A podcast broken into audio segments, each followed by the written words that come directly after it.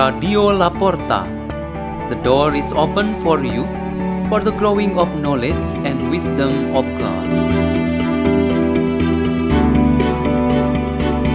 Delivered by Julius Ronald Alubunga and Francisca Siane Naomi from St. Peter's School in Jakarta, Indonesia.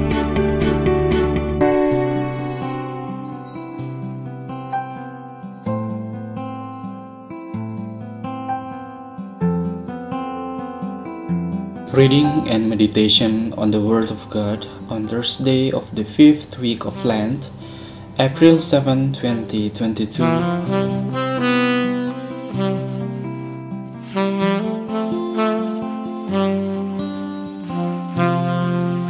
The reading is taken from the Holy Gospel according to John, chapter 8, verse 51 until 59.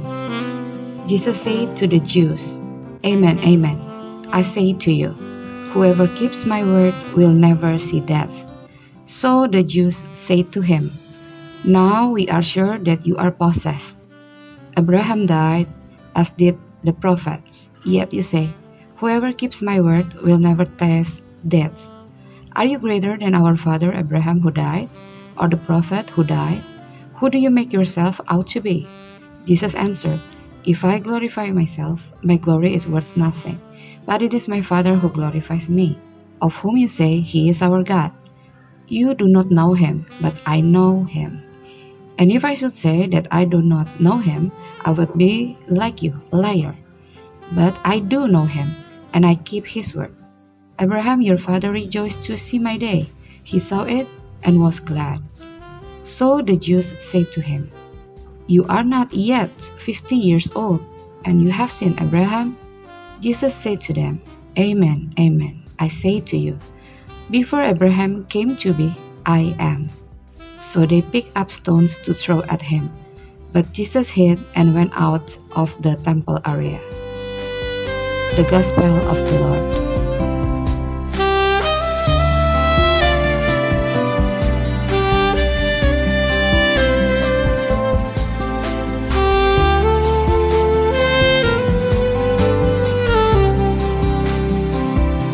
Our meditation today is the theme See and Rejoice.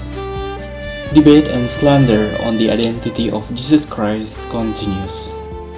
Today, the highlight of this controversy involves the figure of Abraham. The book of Genesis presents Abraham, known as the father for a number of the great nations of the earth, having two characteristics. First, the figure of Abraham described as a great person, chosen by God to inhabit a territory unknown to him.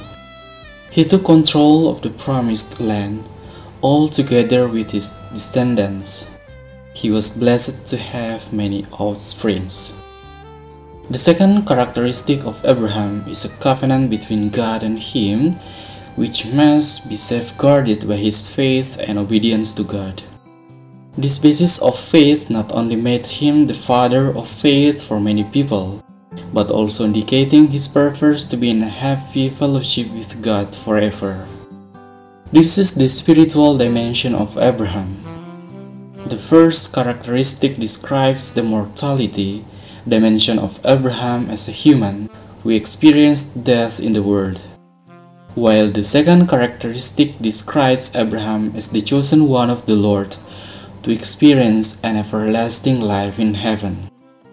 These two dimensions of Abraham's profile are explained in its fullness by Jesus to his opponents.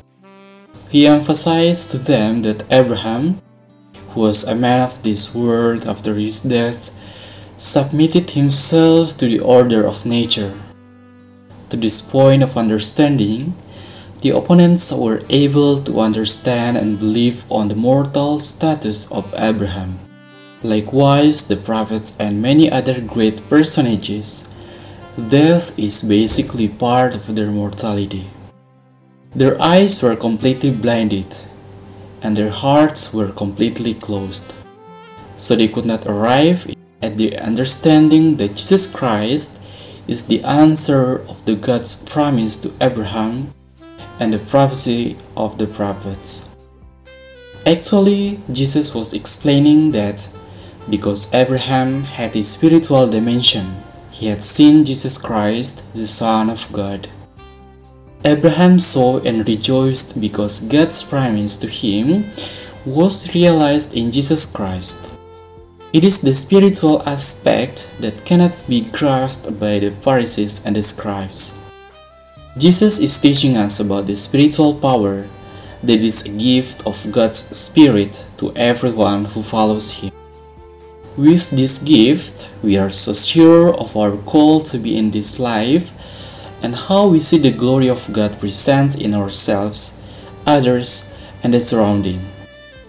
The experience of God's glory is the basis for us to rejoice and be always thankful. What strengthens this joy is the spiritual aspect of everything in life because in it, God is truly present.